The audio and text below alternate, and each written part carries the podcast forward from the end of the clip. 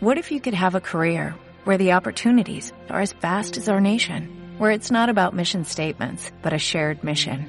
At U.S. Customs and Border Protection, we go beyond to protect more than borders, from ship to shore, air to ground, cities to local communities. CBP agents and officers are keeping people safe. Join U.S. Customs and Border Protection and go beyond for something far greater than yourself. Learn more at cbp.gov/careers.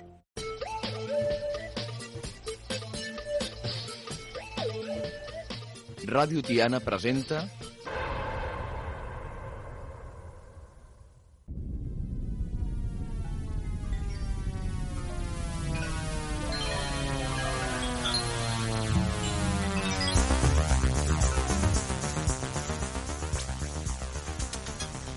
Hola, bona tarda. Mm, tornem a estar aquí un divendres més amb, amb la consulta local, la ràdio local, Ràdio Tiana.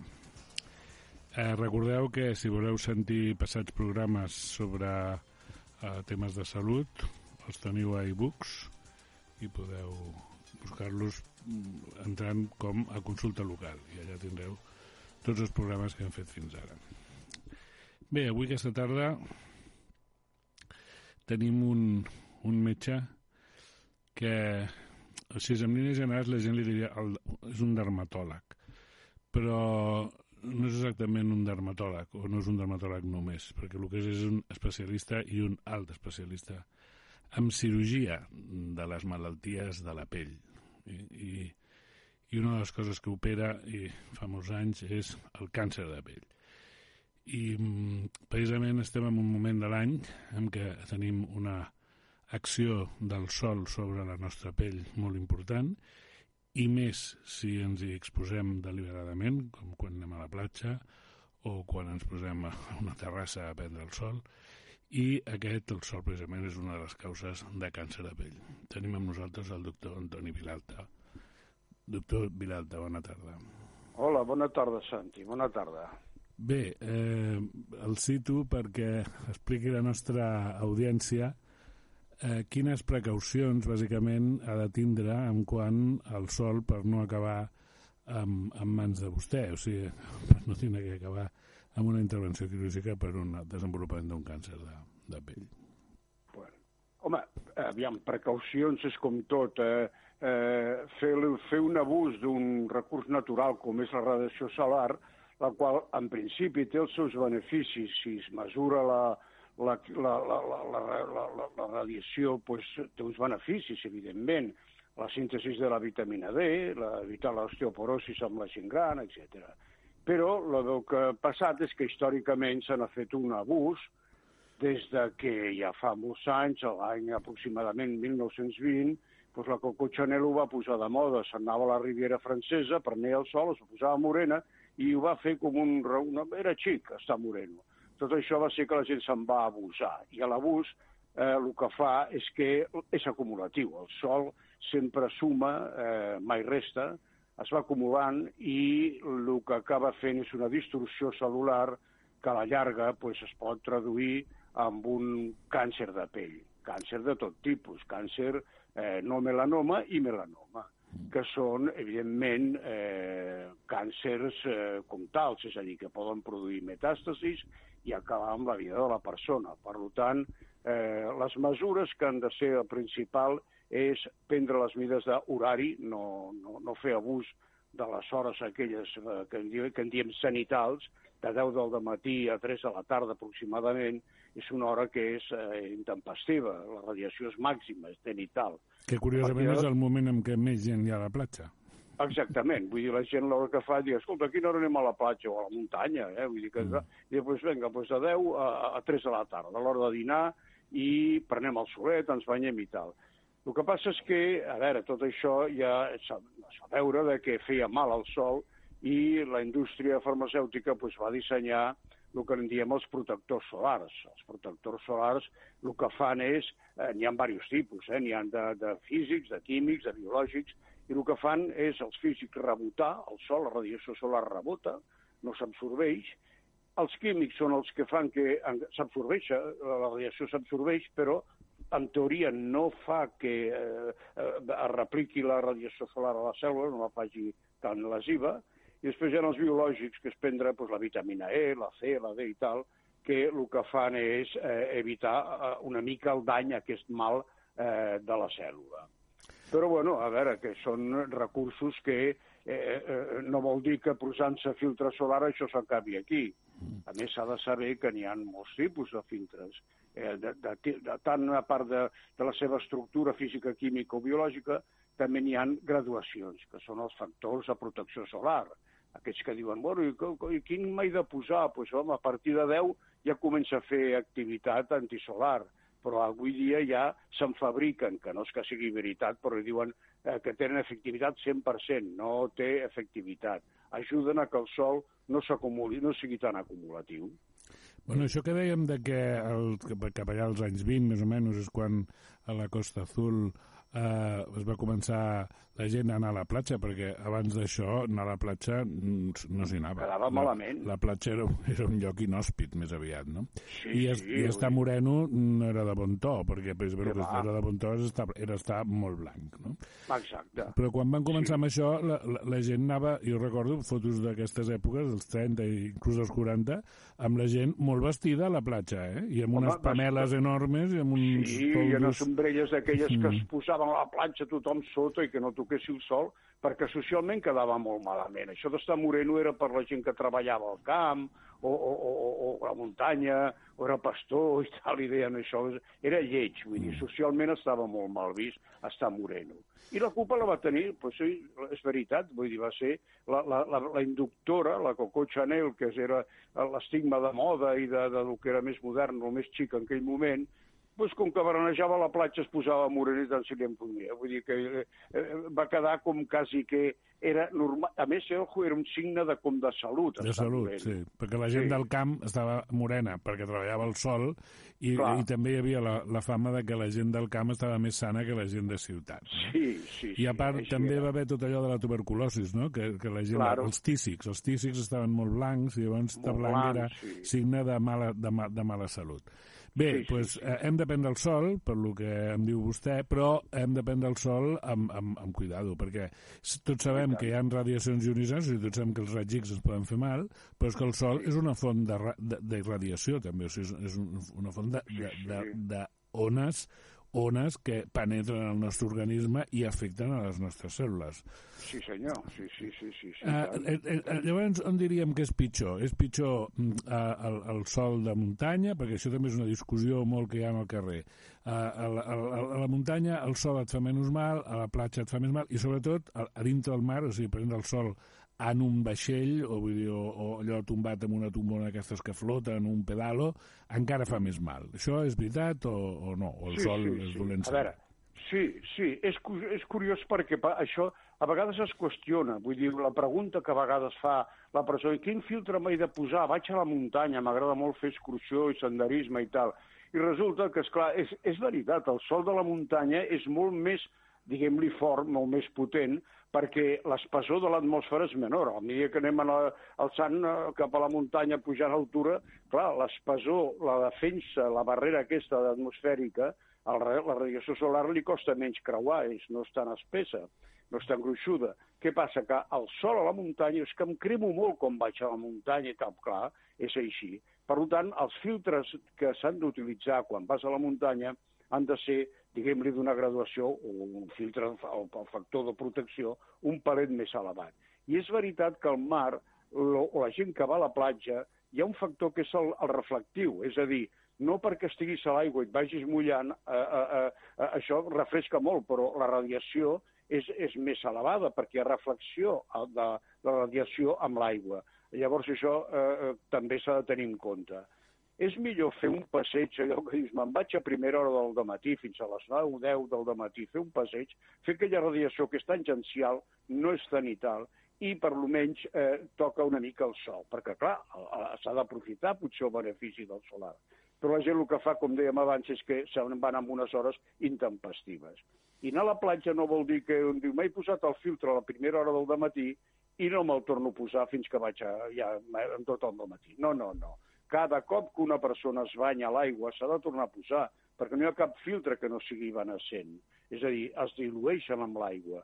Eh, això fa que a vegades la gent diu m'he cremat igual, m'he posat el filtre però m'he cremat. Clar, és que s'ha de tornar a posar cada vegada que et banyes, sigui al mar o a la piscina, entens? I dels bronzejadors, tenim alguna que dir dels bronzejadors eh, sobre la pell?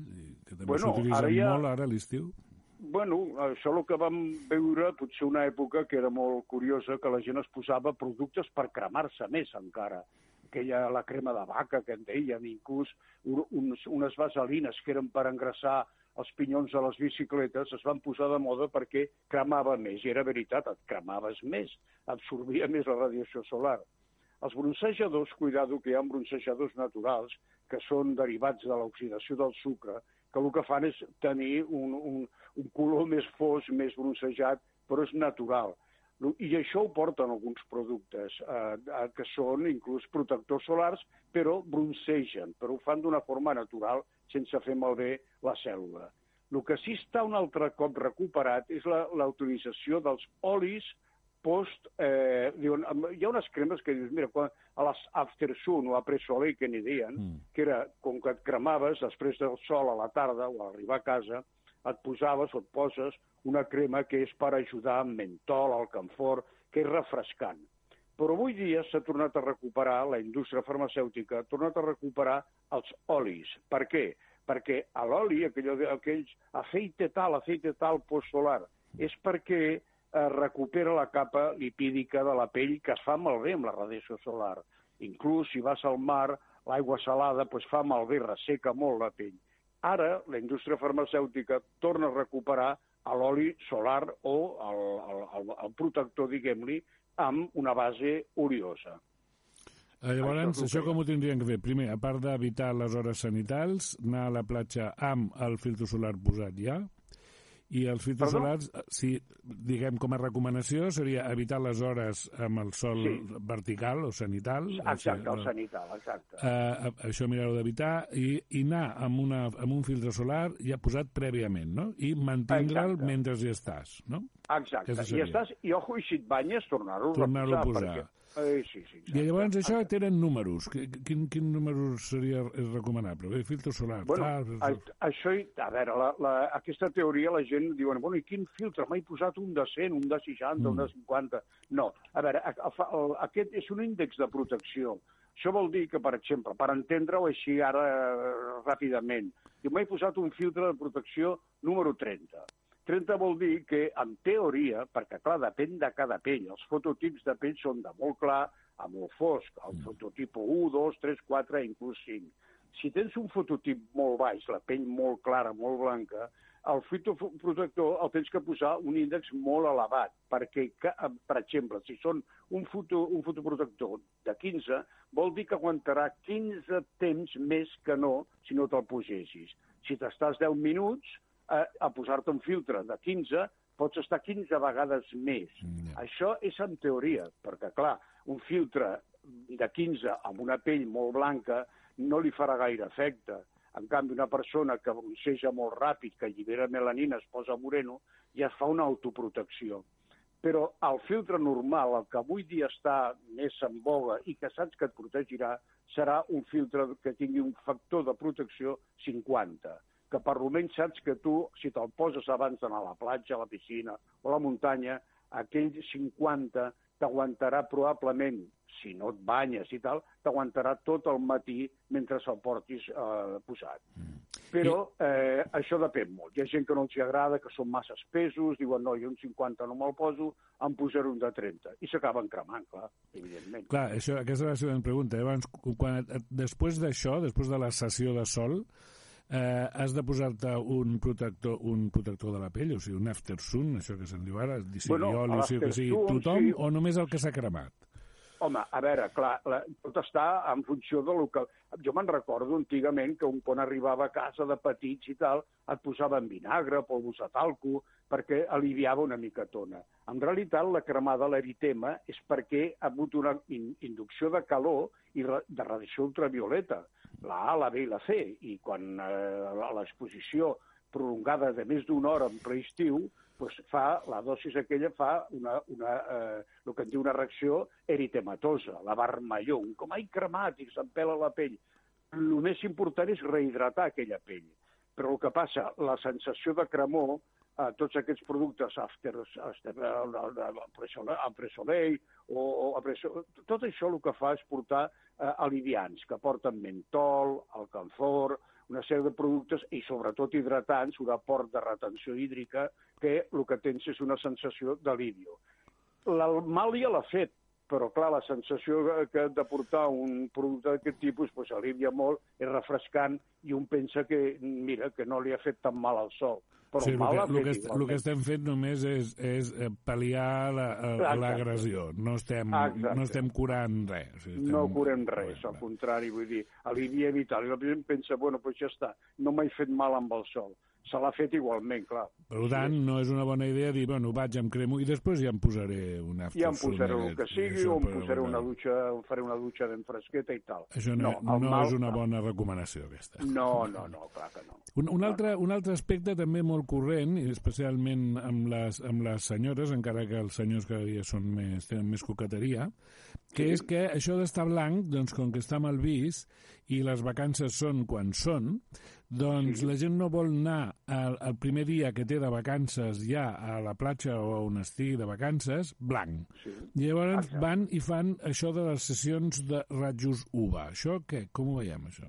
Això ja hi ha, un, a veure, hi ha comitès eh, internacionals sobre el mal solar i, i què és el que sap que recomana, o sigui, es dediquen a, a buscar quines són les millors recomanacions en quant eh, no fer mal a la pell i en aquest cas eh, eh, una de les coses són de, de, de, de tipus laboral, gent que treballa al camp, que fa activitat esportiva, etc etc. Però també vigilen molt i, i, i, i sobretot indiquen que no es fagin els banys solars amb radiació ultravioleta A.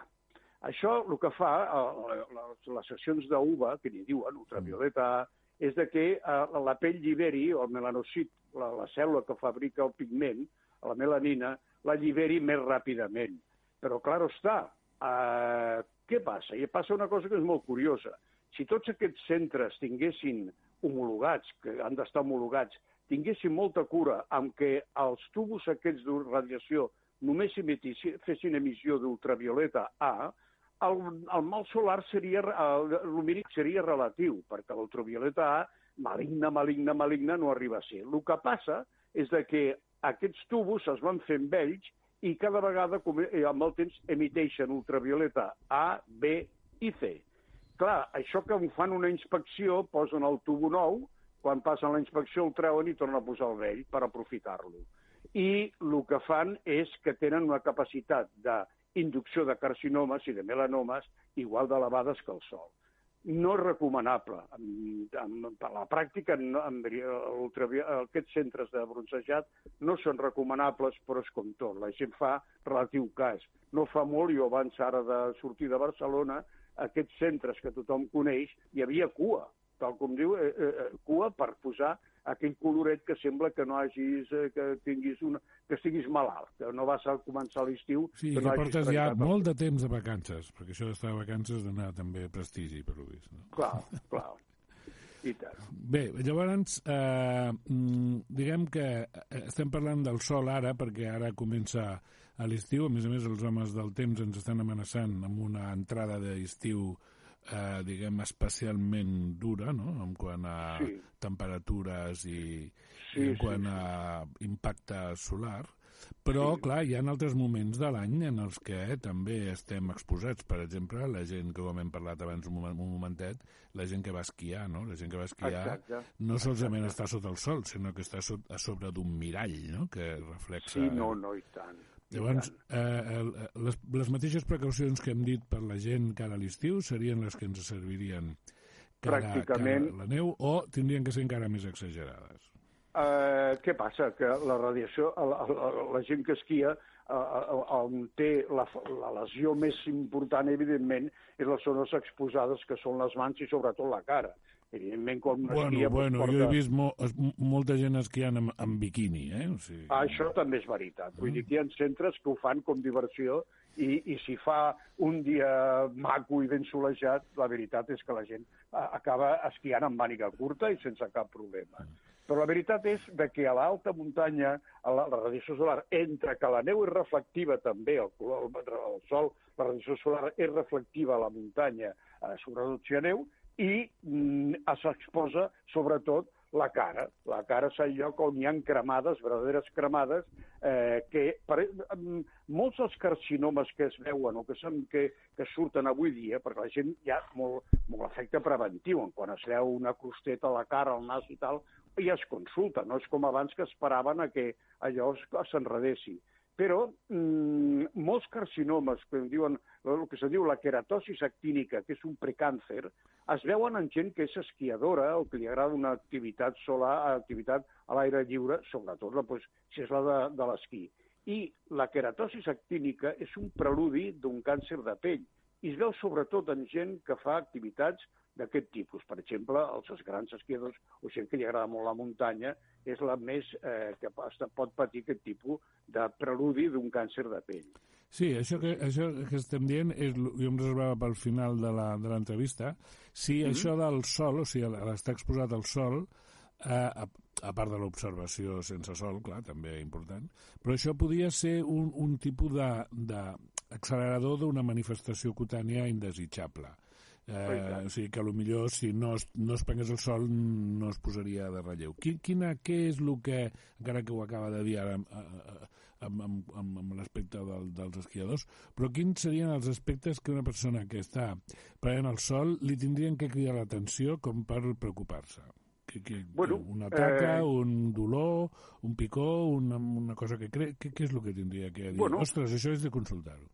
Sí, a veure, eh, qualsevol cosa que, mm, que, que no hi era i és, eh, que apareix, o que té, eh, té una progressió relativament ràpida, dius, bueno, fa un temps que tinc una crosta o tinc una taca o tinc eh, aquella lesió típica que dius, no ho tenia això abans. I es pot presentar de moltes maneres. La lesió eh, solar és eh, pigmentària, és a dir, surt com una piga o una taca que va enfosquint o que va creixent de tamany o que inclús pot arribar al, a sagnar, allò que dius, mira, com m'aixugo amb la tovallola a l'hora de dutxar, em sagna aquesta taca i, i veig que m'està creixent o enfosquint-se. Això és una advertència que pot ser una piga que a la millor ja tenien de tota la vida, però que s'ha modificat per culpa de la eh, radiació solar i s'ha transformat. Evidentment, una piga que es torna dolenta estem parlant del melanoma, melanoma maligne. Mm. I normalment, normalment, perquè hi ha eh, melanomes que no són pigmentaris, són acròmics, que n'hi diuen, però bueno, en general quasi tots els melanomes són amb pigment, la taca negra que ve d'una piga, o que apareix una piga de sobte, i això seria el, un carcinoma tipus melanoma. O sigui que al tanto amb les pigues, gent que està molt pigada perquè té més probabilitats de que a fent exposicions desmesurades de sol qualsevol piga es pot transformar. I l'altra qüestió són pells que tenen facilitat en absorbir més la radiació, com són pells clares, fototips baixos, 1, 2, inclús 3, que a costa de prendre el sol surt una crosteta, pot ser el nas, pot ser el llavi superior, pot ser la front, a l'orella, a l'esquena, si fa exposicions del cos, que són unes crostetes vermelles, per això n'hi diuen queratosis, que mm, a la base és vermellosa, amb la crosteta damunt, i que cau, torna a aparèixer, torna a sortir, ara no tinc, ara no tinc, comencen a picar i de sobte comença a fer com una petita llaga. Això és la queratosis actínica, que, o més o menys definida, que pot acabar fent el que se'n diu el carcinoma escatós. Que això ja estem parlant de valores majores que en diem perquè ja són carcinomes, no melanoma, però igual de dolents que l'altre. I també gent que genèticament té capacitat de fabricar un cosí germà, que es diu el carcinoma vasocelular o vaceloide, que també eh, creix o pot estar induït per la radiació solar. Això són els avisos que hi ha, aquella taqueta, aquell voltet, aquell gra que en 20 i pico de dies no cura. Nosaltres sempre diem, si tens un gra que en 20 i pico de dies, pràcticament 3 setmanes, no es cura, vés-ho a preguntar, a veure què passa, perquè no és lo normal. Allò, allò que a vegades s'ha dit de tindre un mapa cutani és recomanable? bueno, eh, hi ha gent que té... A veure, el mapa cutani està molt de moda perquè ara hi ha uns sistemes de captació de les lesions cutànies que es fa un mapa amb uns aparells especials, amb l'Emax, el Photofinder, que n'hi diuen, són aparells que l'únic que fan és digitalitzar eh, totes les piques que tens i veure si te n'apareixen més amb el temps, si algun ha fet un creixement eh, d'un any a l'altre, i llavors el que passa és que vas controlant d'una forma eh, més, diguem-ne, exhaustiva i més pràctica, perquè, clar, tu pots mirar una piga amb una lupa, és que ja no es fa, i dir, bueno, torna dintre d'un any a veure si ha crescut, però no ho podràs mesurar ni quantificar. Mm. En canvi, aquests sistemes de mapeo permeten eh, tenir, eh, mai millor dit això, un mapa del teu cos amb el qual veus número de pigues, tipus de pigues i mm, la morfologia de cada eh, piga eh, capturada digitalment. Però poder això amb la gent aquesta enamorada del sol, és que,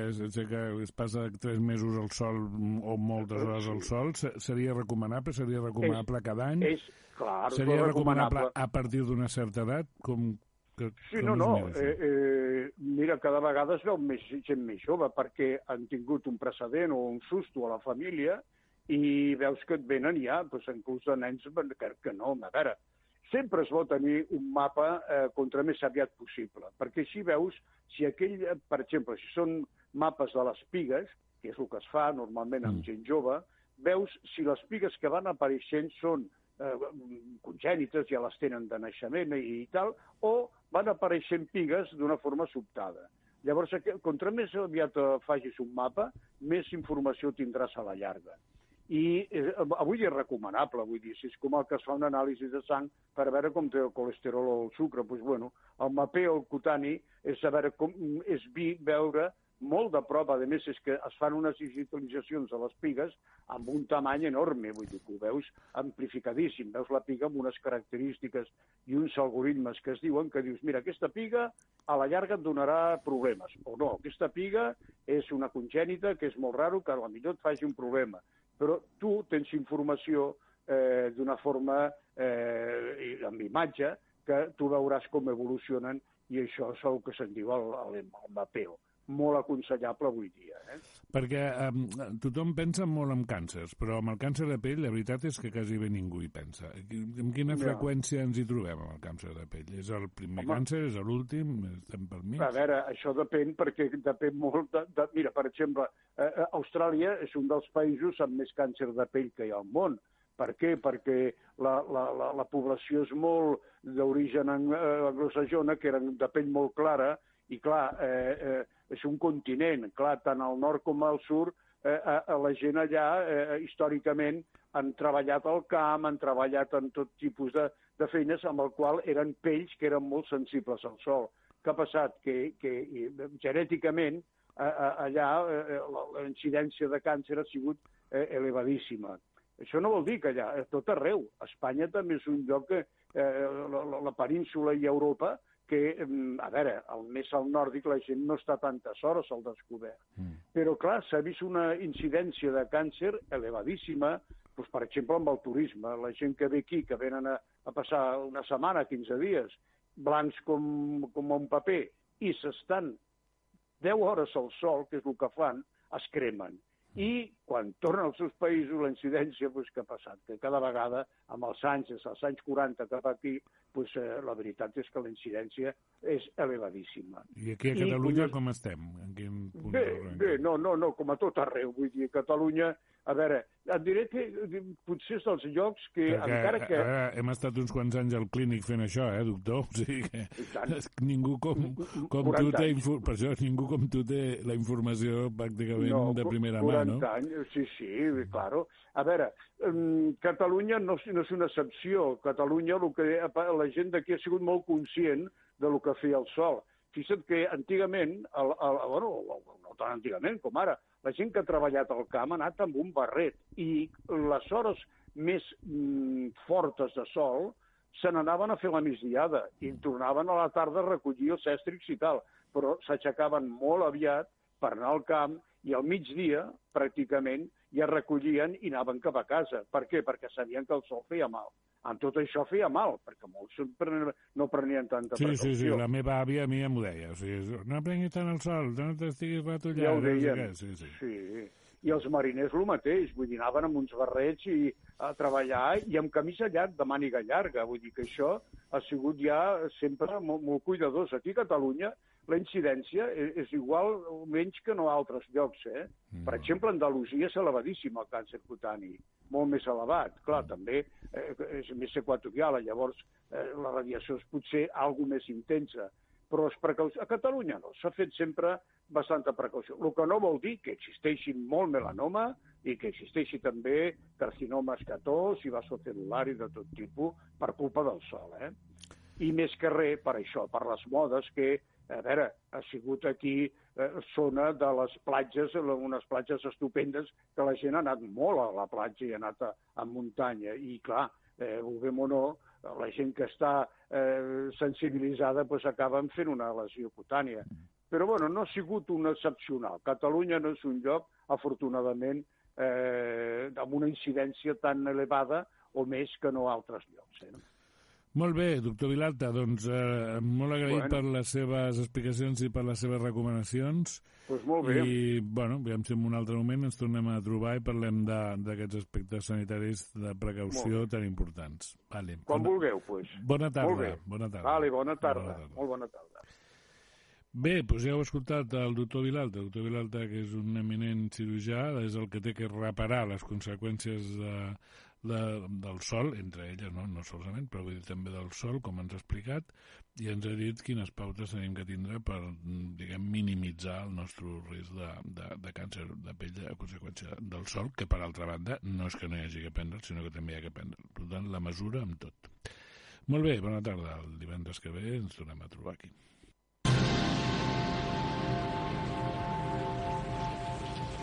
La consulta local amb el doctor Santiago Barambio.